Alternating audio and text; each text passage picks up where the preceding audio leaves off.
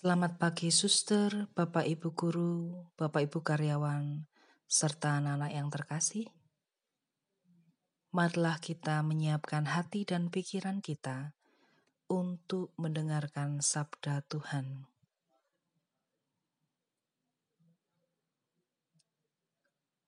Marilah kita membuat tanda kemenangan Tuhan kita Yesus Kristus dalam nama Bapa dan Putra dan Roh Kudus.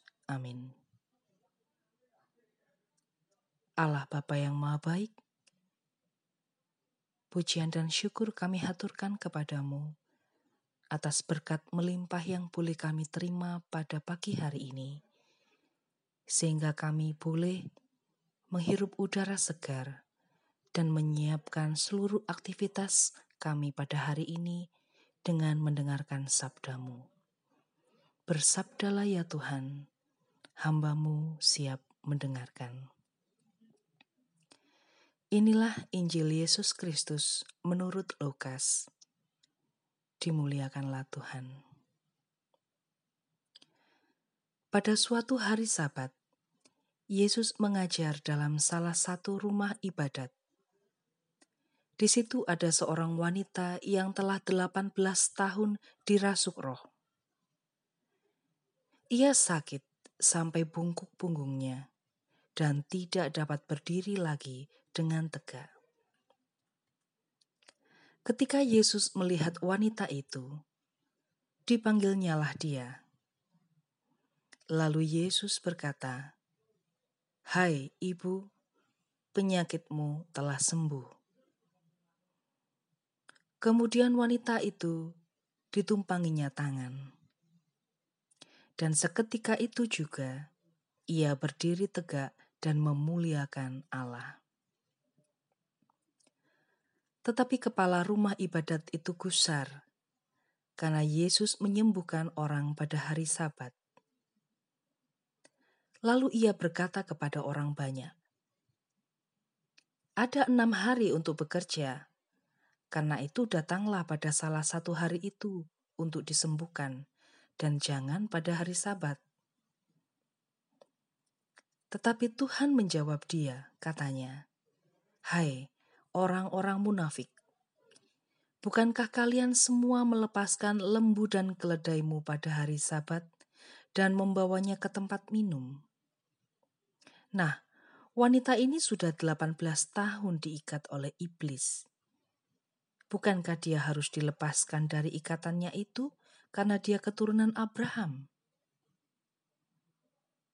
Waktu Yesus berkata demikian, semua lawannya merasa malu sedangkan orang banyak bersuka cita karena segala perkara mulia yang telah dilakukannya. Demikianlah Injil Tuhan. Terpujilah Kristus.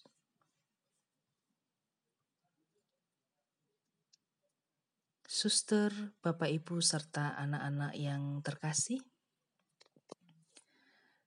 dalam bacaan Injil tadi, Yesus menegaskan bahwa dalam situasi apa pun, perbuatan kasih harus dilakukan kepada orang yang menderita.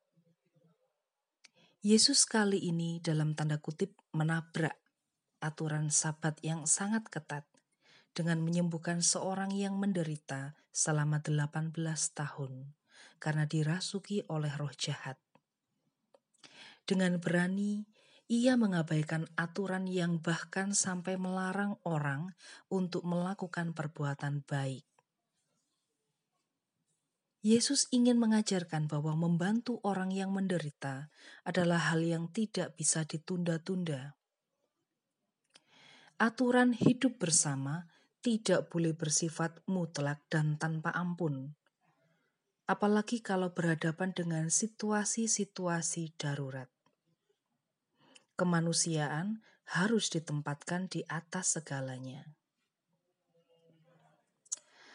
Bacaan ini mengajarkan bahwa kita semua diajak untuk menjadi anak-anak Allah atau anak-anak terang.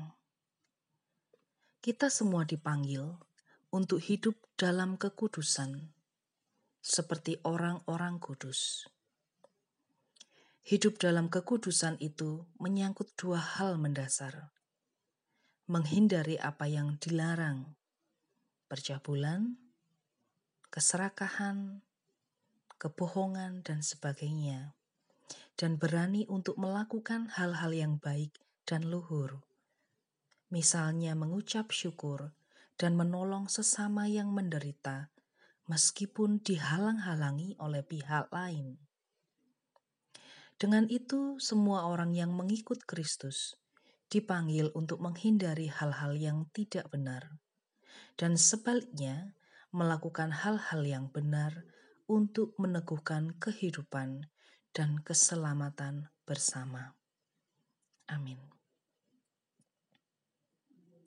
Bapa yang Maha Baik, terima kasih atas sabda yang boleh kami dengarkan pada hari ini. Semoga dengan mendengarkan sabda ini, kami mampu menjadi anak-anak Allah dan anak-anak terang. Amin. Dalam nama Bapa dan Putra dan Roh Kudus. Amin.